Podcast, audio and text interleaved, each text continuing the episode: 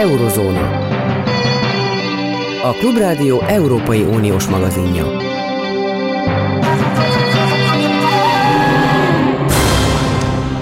Jó napot kívánok, a mikrofonnál Kárpáti János.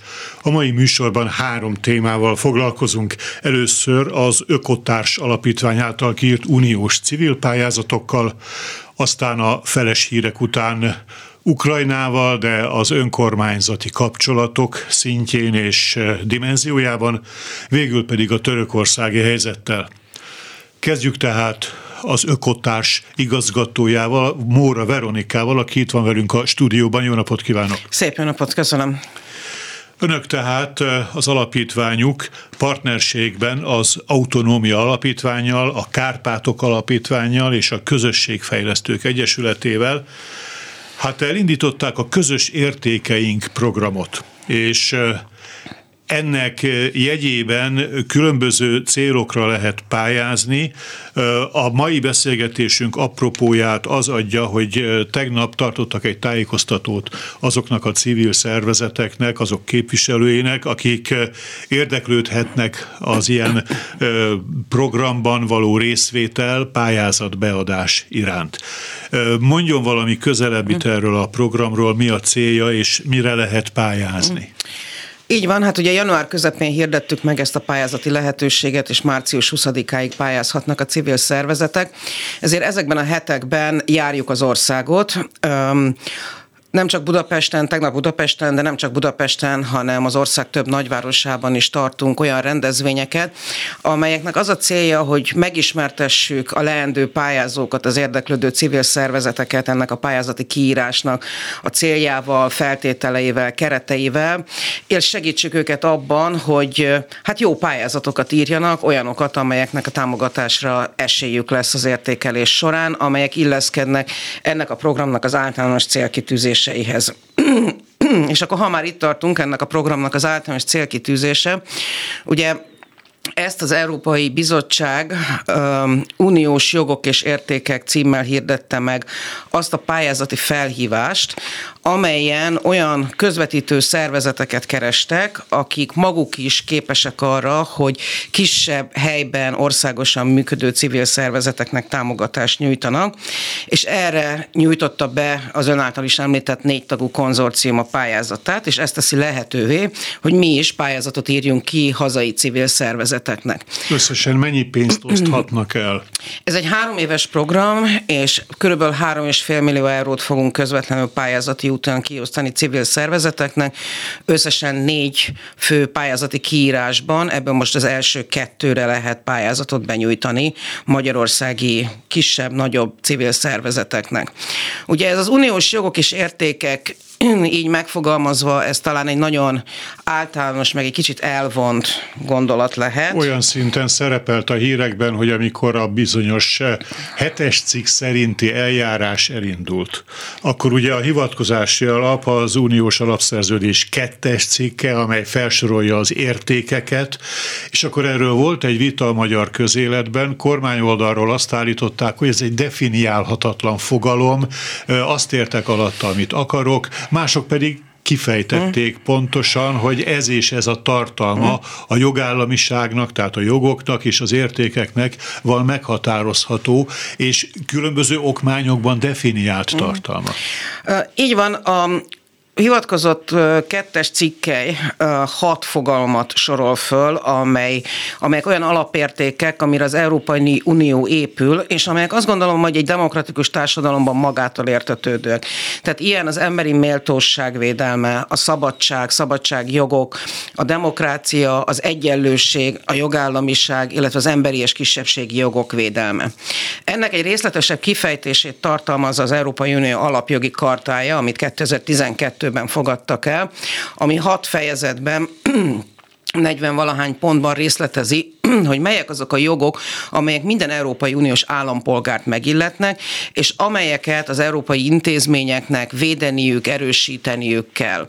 Ezek a jogok nagyon széles spektrumot fednek le, kezdve az élethez, az emberi méltósághoz való joggal, folytatva a gondolat, vallás, szólás és sajtószabadság jogával, de ide tartozik a szociális biztonsághoz való jog, az egészséges emberi környezethez való jog, a munkavállalói jogok, a biztonságos munkafel- és igazságos munkafeltételekhez való jog, a politikai életben a választásokon való részvétel joga, illetőleg az igazsághoz, az igazságszolgáltatáshoz való jog.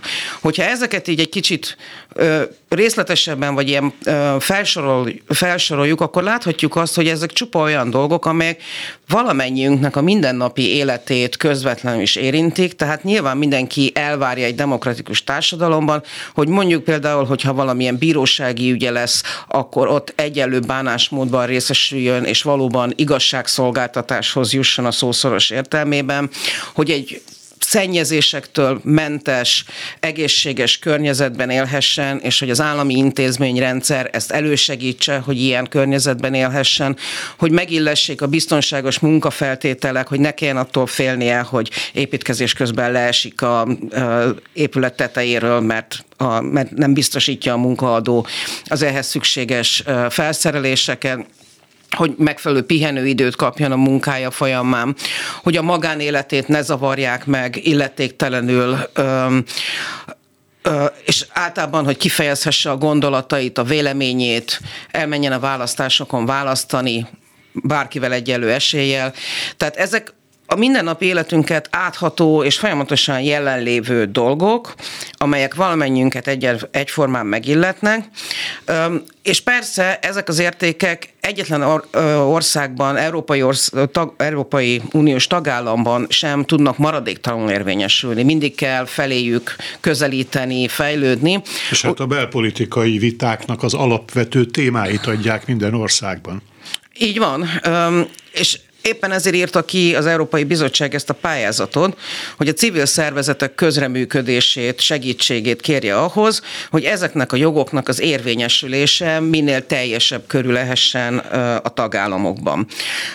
Tehát a civil szervezetek egyszerűen a tevékenységükből fakadóan a legtöbb esetben így vagy úgy kapcsolódnak ezekhez az értékekhez, hiszen egy olyan szervezet, aki mondjuk valamilyen elesett, hátrányos helyzetű csoporttal foglalkozik, legyen azok, azok szegények vagy hajléktalanok, azoknak a jogaiért is küzd, illetőleg segíti őket abban, hogy mondjuk például lakhatáshoz jussanak, hogy az állami intézményrendszerek ne vegyék őket semmibe, hanem kezeljék az ügyeiket, és így tovább, és így tovább. Nagyon sok mindent föl lehetne sorolni, ami ehhez a témakörhöz, vagy, vagy mindenhez a, mindezekhez a jogokhoz és értékekhez kapcsolódik.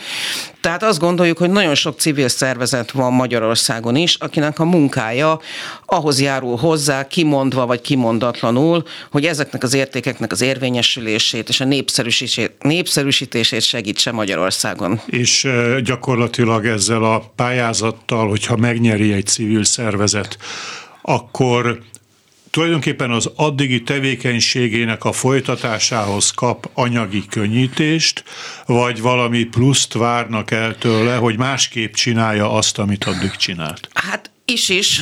Tehát nyilván azt szeretnénk, hogy a szervezetek az eddigi tevékenységükre, tudásukra, tapasztalataikra építsenek, de nyilván azt is szeretnénk, szeretnénk, hogy erről egy picit tovább lépjenek, tovább fejlődjenek. Kétféle pályázatot írtunk most ki. Az egyiknek az a neve, hogy partnerségben. Itt olyan elsősorban nagyobb országos vagy nagyobb régiós szinten működő szervezetek pályázatait várjuk, akiknek van valamilyen ezekhez a jogokhoz, értékekhez kapcsolódó területen valamilyen szakmai tudása, ismerete, tapasztalata, készsége, és azt szeretnénk, hogy ezek a szervezetek dolgozzanak együtt kisebb helyi csoportokkal, szervezetekkel, adják át nekik ezeket a tudásukat, erősítsék meg őket is a készségeikben, és közösen együtt működtessenek tevékenységeket, programokat az, alap, az értékekhez kapcsolódó területeken, legyen az um, valamilyen sérülékeny vagy hátrányos helyzetben lévő embercsoport védelme, bizonyos értékek népszerűsítése a szélesebb nagy közönségben, a jogsérelmeknek a nyomon követése és azoknak a, az orvoslásának a segítése, stb. stb. Hadd kérdezzem azt meg, hogy Ugye, hogyha ö, hátrányos helyzetű csoportokról beszélünk, nagy valószínűséggel, nagyobb arányban találjuk ezeket a csoportokat, persze nem kizárólag, de nagyobb mennyiségben, számban Budapesttől távol, mondjuk ki konkrétan, Szabolcsban, Borsodban, zömmel cigányok lakta településen, méltatlan életkörülmények. Nyilvánvalóan Budapestről nehéz rálátni a konkrét helyi problémákra, tehát ezt, a, ezt az interakciót próbálják ezzel erősíteni? Így van, illetve, és akkor a másik kategóriájú pályázat, amit kiírtunk, aminek az a neve, hogy fejlődésben, ott viszont kifejezetten vidéki, Budapesten kívül működő szervezeteknek a pályázatait várnánk, akiket a támogatással szeretnénk egyrészt hozzásegíteni ahhoz, hogy ezekhez az alapértékekhez kapcsolódó területen végzett eddigi vagy tervezett munkájukat folytassák,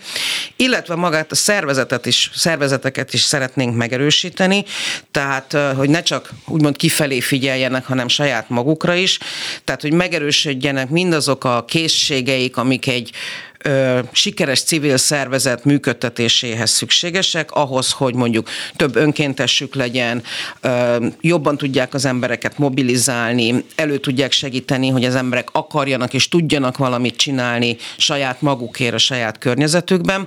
Ö, tehát tulajdonképpen egy ilyen a cselekvés közbeni tanulást szeretnénk elősegíteni, és mondom, ez kifejezetten inkább vidéki szervezeteket célozunk ezzel a lehetőséggel, annak érdekében, hogy ezt a fajta civil, mondjuk így nyüzsgést, aktivitást nem csak Budapesten, hanem az ország távolabbi vidékein is erősíteni tudjuk ez a fajta pályázat, ez először került kiírásra, tehát új területen, ismeretlen területen mozognak ebben az értelemben, és mennyire voltak, hogy mondjam, ígéretesen felkészültek az érdeklődők, például a tegnapi találkozón, hogy tudják-e azt, hogy mi kell ahhoz, hogy ők sikeres, jó pályázatot tudjanak beadni?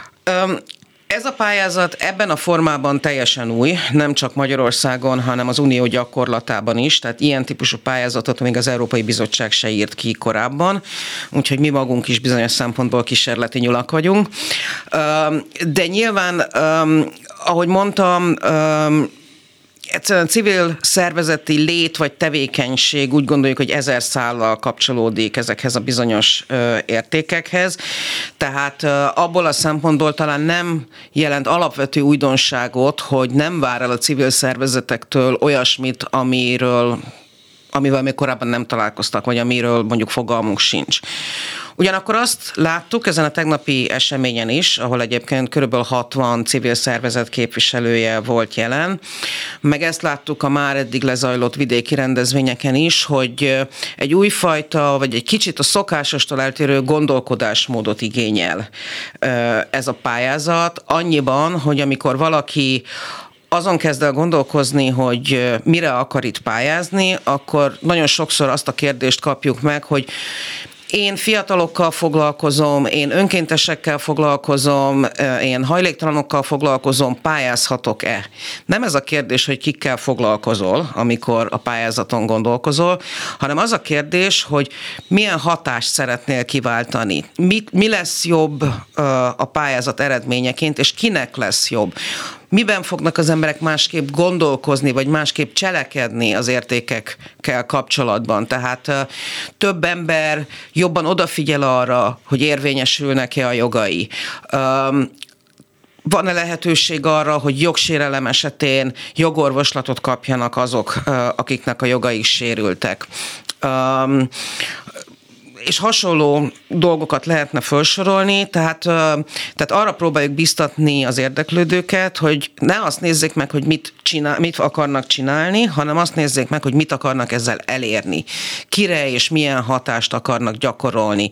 Kinek fog a tudatossága, az önrendelkezése, a, a cselekvő, cselekvő képessége megerősödni, a civil szervezet munkája, tevékenysége eredményeként, és ehhez a célkitűzéshez, ehhez az elvárt, remélt hatáshoz csoportosítsák azt, hogy mit is szeretnének csinálni, és mire akarnak pénzt költeni melyik területet látja, vagy területeket látja a legproblémásabbaknak Magyarországon, ahol, ahol igazán nagyon sokat kellene fejlődniük a civil szervezeteknek, illetve hát a hatékonyságnak. Hmm hogy valamit segíteni tudjanak. Számos jogot mm. említett, sorolt mm. fel, ezek közül melyek a legkritikusabb helyzetnek? Én a jogok között nem tennék ö, különbséget. Azért is hagytuk ilyen szélesre a pályázati felhívást, szélesre, tematikus értelemben szélesre, tehát hogy nem szűkítettük le egyik vagy másik jogra vagy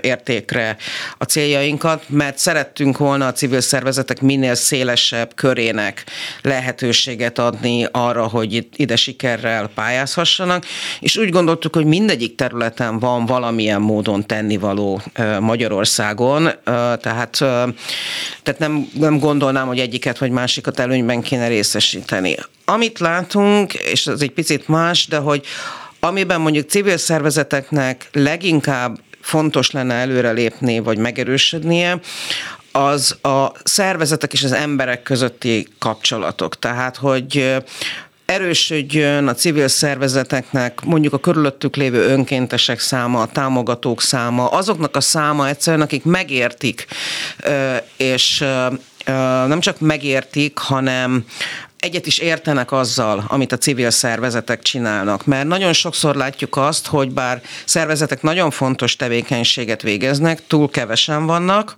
mármint túl kevés az az ember, aki velük együtt dolgozik, és sokszor mondjuk így, hogy az átlag ember vagy az emberek nem igazán értik, hogy mi terem az a civil szervezet, és amit csinál, azt miért csinálja. Tehát azt gondoljuk, hogy sok szervezetnek ezen a területen feltétlenül erősödnie kell, ami nyilván összefügg azzal is, hogy mennyire hatékonyan tudja ezeket az érdeke, érvé, értékeket és jogokat képviselni, és dolgozni azért, hogy ezek valóban érvényre jussanak Magyarországon. Igen, hát a különböző uniós országokban eltérő a helyzet. Itt Magyarországon, most borzasztóan le fogom egyszerűsíteni a, a, a képletet, a közvéleményt a kormányzati propaganda úgy nagyjából azzal az információval látta el, hogy van rengeteg civil szervezet, ezeknek az ömével nincs semmi probléma, vannak páran, akik viszont soros. Én egy picit, én ezt úgy szoktam megfogalmazni, hogy valóban a kormányzati kommunikáció felosztja a magyarországi civileket jó szervezetekre és rossz szervezetekre, és ezzel azt is kijelöli, hogy szerintem mi a civil szervezetnek a feladata a társadalomban, és az egyértelműen látható, hogy a kormány szerint a civileknek a nagyon, hat, nagyon hagyományos, jótékony szerepekre kell korlátozniuk a tevékenységüket, tehát ételt oszthatnak, vagy nagy, az ilyen hagyományos közösségi tevékenységeket, a falunapokat megszervezhetik, de hogyha egy civil szervezet mondjuk valamilyen társadalmi csoport érdekében felszólal, hallatja a hangját, tehát túl megy azon, hogy ételt oszt, és azt a kérdést is felveti, hogy miért is kell itt ételt osztania, és hogyan lehetne másképp megoldani, hogy ne legyenek éhesek az emberek, akkor már átkerül a rossz civil kategóriába. Viszont egy demokráciában nemzetközileg elismert módon a civil szervezeteknek többféle szerepe van. Egyrészt van ez a közösségi szerepe, amiben a bélyeggyűjtő köröktől kezdve nagyon sokan beleférnek. Van egy szolgáltató szerepem, amikor részben az államtól átvéve feladatokat segít bizonyos társadalmi csoportoknak ételosztással, vagy idős otthonok fenntartásával, vagy bármi hasonló módon. És van egy érdekérvényesítő szerepe is, amikor társadalmi problémákat, ügyeket, megoldatlan kérdéseket kihangosít, akár maga is kereshet megoldásokat, de akár optimális esetben az intézményekkel, az állam szerveivel párbeszédben akár vitában, akár együttműködésben megoldásokat, rendszeres szintű megoldásokat is keres az adott ügyre, vagy adott társadalmi problémára. És ez a harmadik, ez az érdekérvényesítő funkció, ez ugyanolyan fontos, mint a másik kettő, és nyilván ebben a pályázatban hangsúlyos szerepe lesz az ilyen típusú tevé- vagy lehet az ilyen típusú tevékenységeknek a civil szervezetek körüli viták a korábbi időszakban, ezek úgy időközben elcsitultak. Ugye arról is szóltak, hogy hogy született egy jogszabály arról, hogy bizonyos összegű külföldi támogatás esetén be kell jegyeztetnie magát a szervezetnek, mint külföldi támogatásból működő szervezet, és akkor ezzel kapcsolatban elég széles körben az hangzott el, hogy, hogy csak azért sem nem jelentkezünk be, nem regisztráltatjuk magunkat, és akik nem regisztráltatták magukat, arról sem tudok, hogy bármilyen jogsérelem érte volna őket. Mi ezzel a helyzet most? Hát egy, ezt a jogszabályt ugye a hatályon kívül helyezték 2021-ben, mivel 2020-ban az Európai Unió Bírósága megállapította, hogy több szempontból is ellentétes az uniós joggal ez a jogszabály. Egyrészt sérti az egyesülés szabadságát, megint csak uniós jogok, sérti a tőke szabad áramlásán, és a bíróság döntése nyomán a Magyar Parlament 2021, azt hiszem áprilisban hatályon kívül helyezte ezt a törvényt, tehát már nincs ilyen regisztrációs kötelezettség. Igaz, hogy ehelyett egy új jogszabályt szavazott meg a parlament, aminek az a címe, hogy a közélet befolyásolására alkalmas szervezetekről szóló törvény sikerült végigmondanom, amely azt írja elő, hogy az ilyen szervezetek, amit úgy definiál, hogy akik évi 20 millió forintnál nagyobb költségvetéssel gazdálkodnak, azokat a szervezeteket az állami számvevőszék vizsgálhatja a szokásos ellenőrzéseken túlmenően is. Ehhezzel összefüggésben tavaly számtalan szervezet, akik megfelelnek ennek a kritériumnak, például jó magunk is, tehát az Ökotárs Alapítvány is. Kaptunk egy adatbekérést a számvevőszéktől, amit teljesítettünk is. Azóta ennek nem volt folyamánya, vagy, vagy további lépések ebben az ügyben nem tudjuk, hogy a jövő mit hoz, de hát ugye már maga ez a definíció is valahol nagyon vicces, hiszen a közélet befolyásolása, igen, a társadalmi viták, a részvétel, az nyilván a közélet befolyásolásáról szól, tehát megint csak itt visszautalnék a civilek érdekérvényesítő feladatára, vagy szerepére, és hát az meg a másik, hogy a 20 millió forint fölötti éves bevétellel rendelkező szervezetek köre az meglehetősen széles, hiszen hogyha egy szervezetnek van mondjuk két alkalmazottja, meg egy irodája, akkor már könnyedén megugorja ez. rögtön ezt fedezik, Igen. illetve hát szükség van rá Igen. erre a forrásra. Tehát gyakorlatilag ez most elcsitult viszonylag ez a, ez a kérdés, és nincs macerálás, hogy úgy mondjam. Ezzel a pályázattal kapcsolatban sem volt semmilyen, nem az, hogy támadás, de, de valamiféle értetlenkedés kormányzati oldalról nem tapasztaltak semmi ilyesmit? Hozzánk közvetlenül nem jutott el ilyesmi. Uh-huh. Köszönöm szépen Móra Veronikának. Most jönnek a, a feles hírek, utána folytatjuk az Eurózóna adását, és kívánok sok sikert az Ökotárs Alapítványnak a további munkájához, és ennek a pályázatnak a sikeres lebonyolításához. Mi is köszönjük, és mi pedig sok sikert kívánunk a leendő pályázóknak. Köszönöm. Eurozóna. A Klubrádió Európai Uniós magazinja.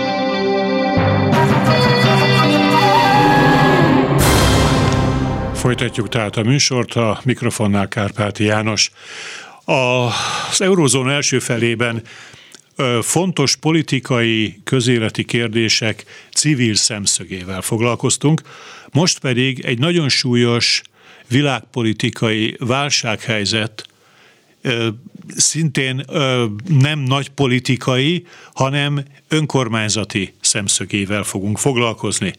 Itt van velünk a vonalban Barabás Richard Újbuda alpolgármestere. Jó napot kívánok! Jó napot kívánok, és köszöntöm a kedves hallgatókat is. Témánk pedig az ukrajnai háború, de annak az a szelete, hogy az önkormányzati szinten miként lehet segíteni Ukrajna lakosait, mit tehetnek az önkormányzatok ilyen válsághelyzetekben, amelyek hát tulajdonképpen világpolitikai katasztrófának tekintendők. Új Buda ebből a szempontból konkrét példával tud szolgálni, hiszen van egy testvér települése. Az iratokban, amiket kaptam, testvérvárosi kapcsolatként említik, de hát ugye Bene nevű kárpátaljai településről van szó, ez egy falu, de e, tehát nem város, mégis e, ez teljesen mellékes, mert, mert az emberek nagyszerűen meg tudják érteni egymást, amikor, amikor országhatárokon átnyúló segítő kézre találnak. Mondjon valamit nekünk arról, hogy mik a kapcsolatai, konkrétan milyen formákat öltenek Új-Buda és Bene a magyar határtól 20 kilométerre, mintegy 20 kilométerre fekvő kárpátaljai település közötti kapcsolatok. Hát nagyon köszönöm a kérdést. Hadd mondjam el azt, hogy mi Új-Budán, Új-Budiak nagyon büszkék vagyunk arra, hogy tulajdonképpen a háború kitörése után egyből cselekedni kezdtünk, és egyből néztük azt, hogy milyen segítőkezet tudunk nyújtani. Igen, ez valóban egy fontos, fontos különbségtétel, hogy település, város, hogy hogy van ez, már csak azért is, mert hogy ugye az ukrán, ukrajnai közigazgatás egy kicsit más a miénk, és most nagyon le akarom egyszerűsíteni, akkor ilyen egy, egy nagy térségnek vagyunk a testvértelepülése, nem is konkrétan a falunak, de ez egy ilyen jogtechnikai kérdés, úgyhogy most a beszélgetés további részében Benére, mint a körülbelül 1500-2000 fős településre fogok hivatkozni. Természetesen egyből felhívtuk az előjárót, kérdeztük, hogy mi a helyzet, és rendszeres kapcsolatban voltunk is ezzel a testvértelepüléssel. Több ízben szerveztünk adománygyűjtést, és vittünk is ki különböző különböző segítségnyújtást, ruhákat, élelmet, száraz élelmiszert, csokit. Nyilván ez nagyon fontos számukra, és egyfelől számukra, akik ott laknak, valamint azoknak is, akik mondjuk menekülnek, tehát azért az egy fontos jelenség, hogy sokan próbálnak, el kellett hagyjuk az otthonaikat, és mondjuk útközben, ahogy nyugat felé menekülnek, megállnak bennén. Tehát őket a helyieknek el kell látni, de ez nem mindig van meg a megfelelő erőforrásuk. Nyilván olyan is van, hogy férfiak próbálnak menekülni. Na most Benén is az, mikor én legutoljára kint voltam tavasszal, akkor az egy nagyon, ez volt az egyik legnehezebb kihívás, ami előtt álltak, hogy hogyan fogják a földmunkákat elvégezni, hiszen a férfiak egy része katonaként van behív a szolgálatra, a férfiak egy része pedig nem akart katonának bemenni, ezért el kellett, hogy meneküljön. Ez egyébként egész Ukrajnára jellemző, tehát ez nem egy benne is sajátosság. Tehát ezek azok a kérdések, amik leginkább őket akkor foglalkoztatták. Most egy pont volt egy őszi nagyon fontos segítség is, amit új Buda tudott nyújtani, mégpedig, és ez nem is tűnik ilyen rettenetes nagy dolognak, de elmondom miért fontos, egy speciális agregátorra volt szükségük, aztán háromfázisúnak hívják ezeket az agregátorokat, de ebben nem vagyok teljesen jártas ezekben az agregátor kérdésekben. Na most azért volt erre szükségük, mert a különböző áramkimaradások miatt a ö, több esetben ár, a kazánok, amivel fűtenek, azok kikapcsoltak. Viszont a kazánban ugye ég a tűz, viszont hogyha ég a, tűz, a, ég a tűz a kazán viszont kikapcsol az áramkimaradás miatt, akkor az nagyon súlyosan tönkre tudja tenni a fűtési rendszert, a kazánt robbanáshoz vezethet, ami tűzhöz vezethet. Tehát nagyon sok esetben nem is az hogy benne ugye a nyugati részén van Ukrajnának, nem is a konkrét háborús pusztítás, hanem a következmények azok, amik érintik az ott lakókat. Igen. De, és gyakorlatilag ez a helyzet, ez folyamatosan fönnáll, tehát most is tudomásuk szerint rendszeresen előfordulnak áramszünetekben, én is? Hát most már nem, mert vittünk agregátort. Tehát, Tehát ez, ez gyakorlatilag a folyamatos ö, áramellátást tudja biztosítani magának a településnek a számára ezek szerint, ugye? Így van, pontosan. Tehát ezt, ebben tudunk nekik segíteni, hogy ezeket a kimaradásokat áthidaljuk. Nyilván, amikor bármilyen segítségkérés fogalmazódik meg az irányukból, akkor egyből igyekszünk cselekedni. Tehát ezek azok, amiket mi így a határon keresztül tudunk nyújtani. Amikor a menekült hullám első szakaszaiért Magyarországra a háború kitörésekor, akkor nyilván a menekültek ellátásában tudott segíteni az új budai önkormányzat. Azok, akik esetleg Budapesten szerettek volna maradni, és mondjuk kicsi gyerekük van, aki bölcsibe, óvodába kell, hogy járjon, az ő befogadásukat kellett intéznünk, és segítettük ebben. Emellett az ukrán nagykövetséggel a háború kitörése után egy fotókiállítást is szerveztünk a Móri Zsigmond körtéren, ami a túlélők fényképeiből készült, a háborús pusztításra, mert szerettük volna felhívni a figyelmet, hogy mennyire hogy mennyire a szomszédunkban mennyire átélhető, és mennyire fájdalmas, és mennyire könnyen és hasonló módon megragadható dolgok és borzalmas dolgok történnek. Szóval, hogy ezek azok a szintek, amin egy önkormányzat a mostani helyzetben tud segíteni, és azt kell, hogy mondjam, hogy ez nem csak lehetőségünk, de erkölcsi kötelességünk is. Egy picit hadd legyek ünneprontó ezzel a Móricz Zsigmond körtéri kiállítással kapcsolatban, hadd kérdezzem meg, Igen. hogy a lakossági visszhang a meglátásuk, tapasztalataik szerint úgy nagyjából hogyan oszlik meg. Köztudomású országos szinten az embernek van egy átfogó képe arról, hogy hát azért a magyar lakosság jelentős része kezd belefáradni annak a tudatába, hogy van egy háború, és nagyon sokan ezt úgy értelmezik, hogy hát Ukrajna folyamatosan segítséget kér helyi szinten, konkrét emberek szintjén, önkormányzati szinten. Hogyan látják ezt, hogy a 11. kerületi lakosok például ezt a kiállítást hogy fogadták, és, és milyen a, a közvélekedés ezzel kapcsolatban, ezzel a háborúval és a kilátásokkal kapcsolatban? Pont ma köszönöm a kérdését, igyekszem mind a két témára reagálni. Ugye a, a tágabb nemzetközi politikailag pont most került elém egy kutatás, ami azt mutatja, hogy ilyen 68-70 százalékos az Európai Unióban annak a megítélés, hogy Ukrajna végül meg fogja nyerni ezt a háborút, nyilván nyugati segítséggel, és hasonlóan nagy volt annak is a, annak az elfogadottsága, vagy annak az nézőpontnak a támogatottsága, hogy Oroszország az európai békét egészében támadta meg. Ezzel a teljesen jogsértő, agresszív és borzalmasan brutális agressziójával és háborújával, amit Ukrajna ellen jogtalanul indított. Na most ezzel együtt abban önnek teljesen igaza van, hogy a, a magyar kormány orosz barát propagandája, és tulajdonképpen számtalan esetben az orosz propagandát egy az egyben visszhangzó kommunikációja sok honfitársunknak nem teszi lehetővé a pontos mérlegelést, és szerintem itt Újbudán nagyon szerencsések vagyunk, mert az újbudaiak tájékozottak, sok helyről követik a híreket, és nagyon felelősen gondolnakoznak a világról.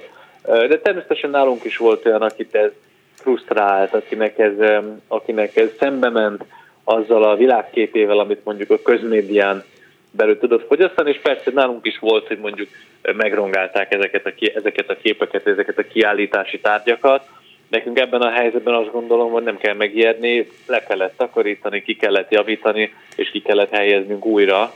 Tehát, hogy azt gondolom, hogy egy kiállítás kihelyezése az nagyságrend nem összemérhető feladat azzal a borzalommal, ami Ukrajnában az ukrajnaiakat és benne az ukrajni magyarokat is nap mint nap éri. Tehát, hogy ez nekünk továbbra is azt gondolom, hogy kötelességünk, hiszen csak így tudjuk elmondani azoknak az embereknek is ennek a helyzetnek a valóságát, akiket esetleg most meg, megtévedt a kormány propagandája. Vezetnek-e valamiféle kimutatást arról, hogy az Ukrajnából menekültek közül hányan maradtak az ön kerületében például? Biztos, hogy ugye olyan szinten a, te, a teljes bevándorlási és menekült nyilvántartást nem az önkormányzatok vezetik, hanem a bevándorlásügyi hivatal, azt hiszem, hogy ez a pontos neve. De nyilván azokról a családokról, akik esetleg maradtak, a gyerekeink az óvodában vannak, vannak adataink, viszont ez most nincs meg fejből nekem, úgyhogy ezt nem fogom tudni önnek megmondani. Vannak továbbra is, akik az új budai bölcsüket és ovikat is igénybe veszik. Nem tömegével, de vannak ilyenek. Igen, és visszatérve még Benére, az ottani Igen. lakosok köz, körében. Hogyan alakul a hangulat úgy, hogy most már ez a háború, hát ugye csak nem egy éve tart. Tehát mennyire fásultak az emberek, milyen változások vannak a helyi, lokális kis közösségben, közvéleményben az elmúlt egyesztendő folyamán, mik zajlottak le? Igen, hát nagyon az aggodalom, és nem is a nagy politikai aggodalom, hanem a barátokért, a családtagokért, a szerettekért érzett aggodalom az, amit, amit én leginkább érzékeltem.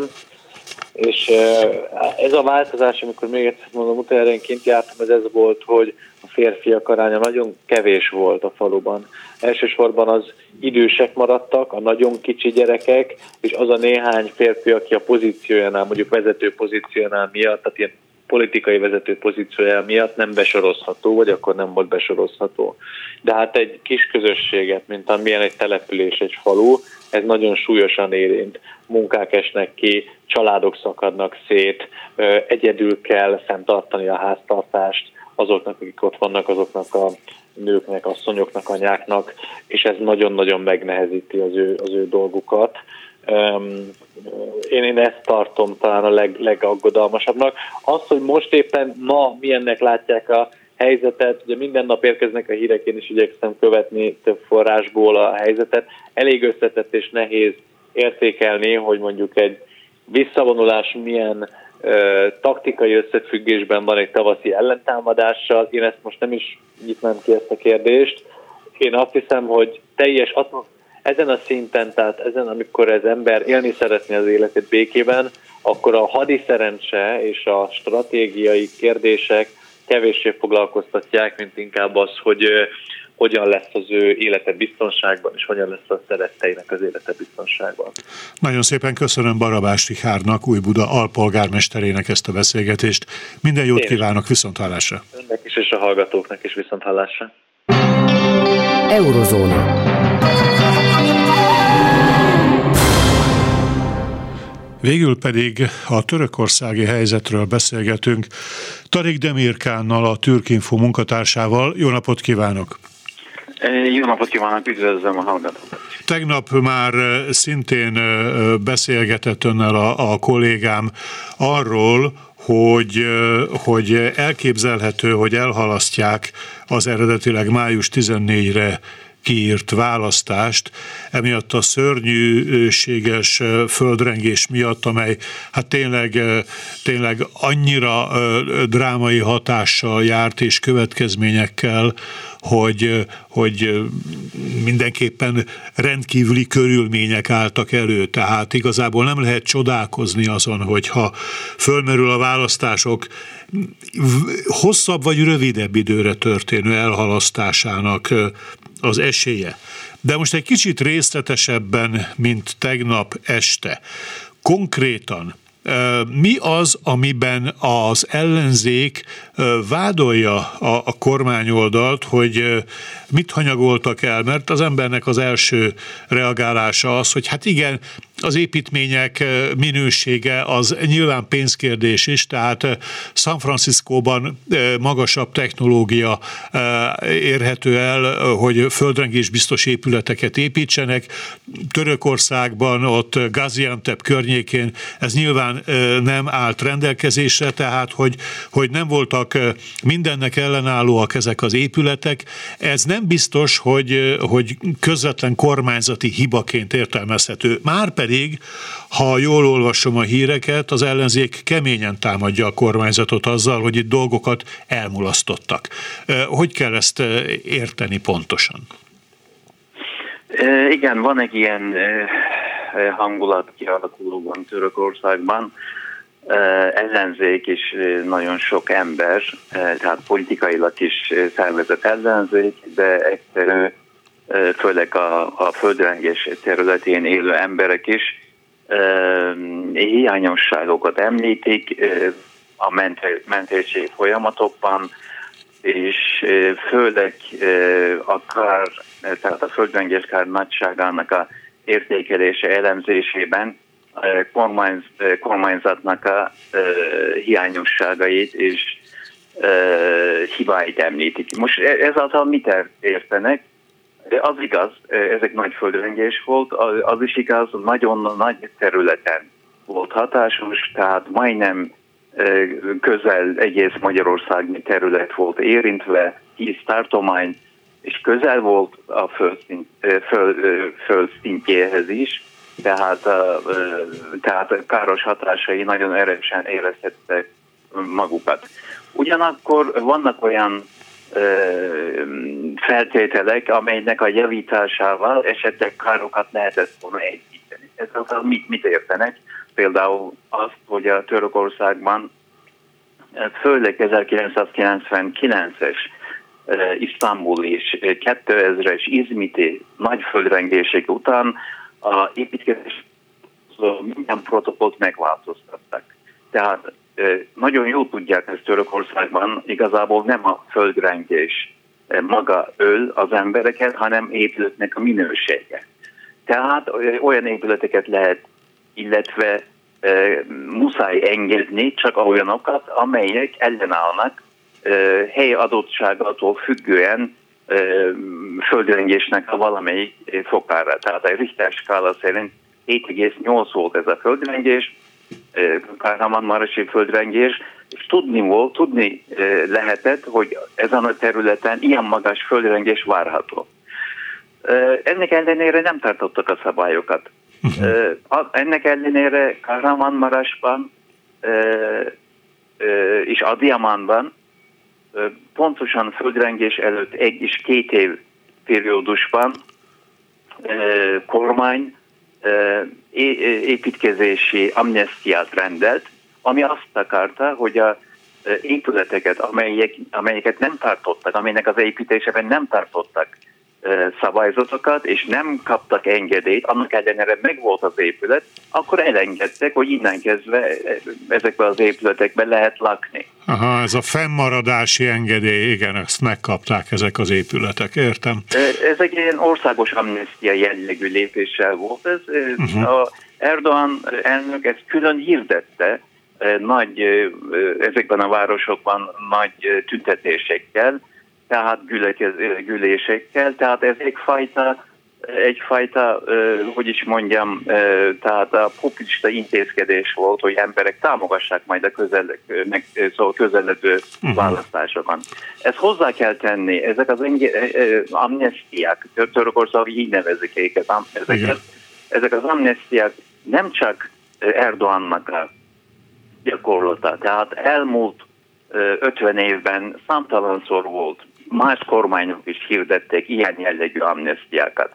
De viszont 1999-es nagy földrengés, ahol Isztambulban, ahol 16 ezer ember meghalt, egy, egy nagy határvonal volt, egy nagy vízválasztó volt Törökország életében, mert onnan kezdve változott minden, onnan kezdve tulajdonképpen tudatára ébredtek annak, hogy Törökországban nagyon-nagyon veszélyes a földrengés, és egyre nagyobb földrengések vannak.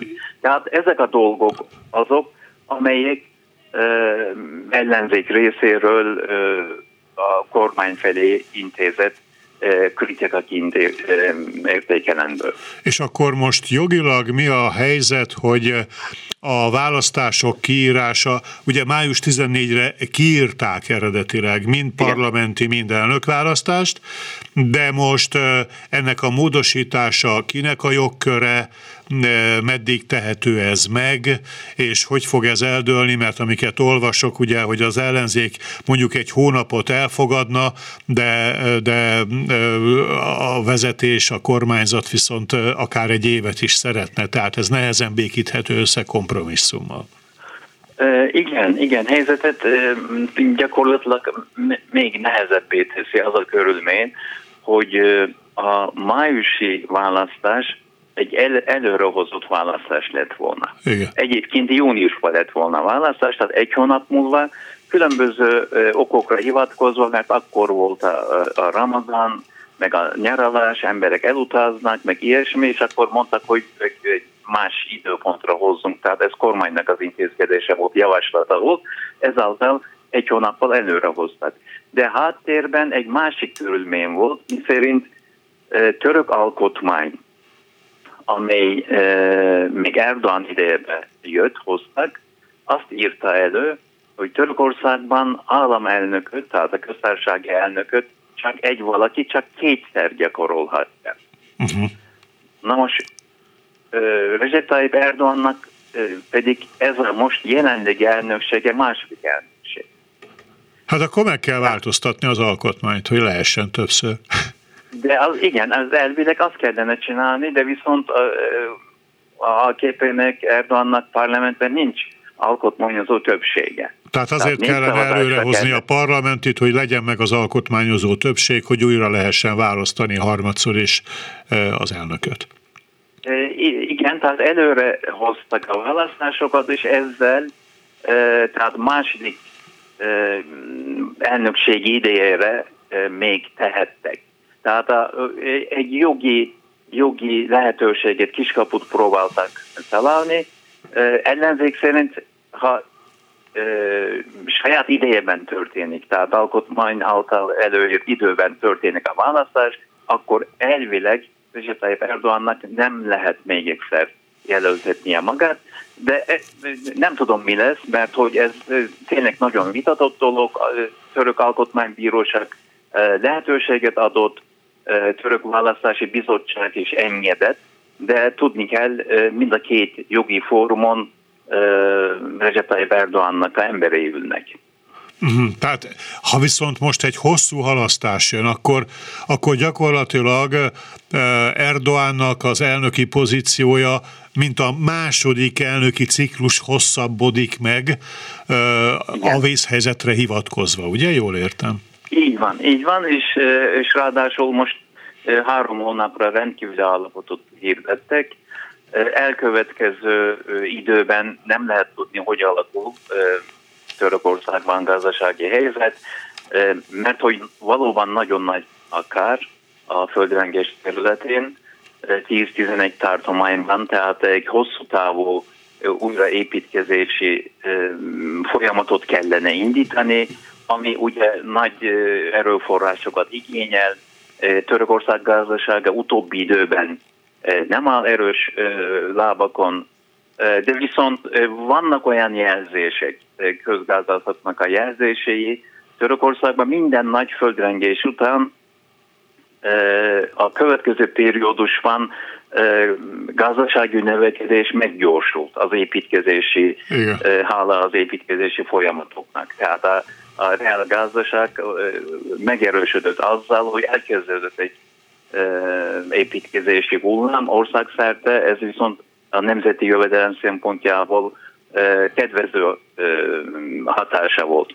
De azt mondják, a hosszú távon, ha mondjuk egy év ahhoz kevés, de ha egy éven túl is megy ez a folyamat, e halasztás, annak a javára válhat, mert hogy a gazdaság... Akkor ő lesz az újjáépítő, a nemzet újjáépítője. Igen, gazdaság fellendülhet. Igen. De addig nem lehet hozni valószínűleg választásokat, mert hogy ellenzék azt mondja, hogy ha májusban nem, akkor júniusban mindenféleképpen ők Igen. szeretnének szeretnének választásokat megvalósítani. Igen, nagyon röviden még arról, hogy az ellenzéknek van egy közös elnökjelöltje. Én olvastam egy olyat még a minap, hogy tervezték a múlt hétre, hogy, hogy megnevezik a közös elnökjelöltjüket. Ebből nem lett semmi? Egyelőre nem, mert hogy a földrengés felírta napi rendet, Uh-huh. Még mindig nincsen jelentve, de több mint valószínű a Szociáldemokrata Pártnak, a Köztársasági Néppártnak az elnöke Kemal Kulcstaró lesz ellenzéknek a közös jelöltje, de addig, amíg ezt nyilvánosságra nem hozzak, nem lehet biztosra venni. Igen, mennyire egységes az ellenzék, mennyire tűnik egy tömbben levőnek, vagy, vagy frakciókra szét van szakadva és egymással vitatkoznak? Mi a jellemzőbb? Egy, egymással vitatkoznak nyilvánvalóan, mert hogy Törökország ellenzéknek a közös vonása Erdogan ellenesség, tehát a politikai és ideológiai tekintetben egymástól nagyon messze állnak egyébként. Vannak szociáldemokrata jellegű pártok, illetve párt, legnagyobb párt, ellenzéki párt, de ugyanakkor van nemzeti vonalon ideológiával működő párt, de ugyanakkor szinte Erdoganhoz közel álló, egyébként közel álló pártok is vannak, tehát iszlám ideológia alapján működő pártok is vannak ellenzéki fronton. Tehát élet nagy dolgai tekintetében távol állnak egymástól, de ők azt mondják, hogy most legfontosabb feladat Törökországban jogállamnak a újraépítése, a parlamentnek a újra működőképes tétele, és egy ember, egy személy irányításának a, a irányítása az vé, vé, véget vetése. Tehát a, Igen, tehát Erdoğan ellen világos, értem. Alapvonásom igen. Köszönöm szépen Tarik Demirkának a tájékoztatást a törökországi helyzetről. Viszont halásra minden jót kívánok. Viszont hallásra. És akkor ezzel az Eurózóna mai adása véget ért. A szerkesztő Bodnár Barna és Kárpáti János a műsorvezető búcsúzik. Viszont hallásra. Önök a Klubrádió Európai Uniós magazinját hallották.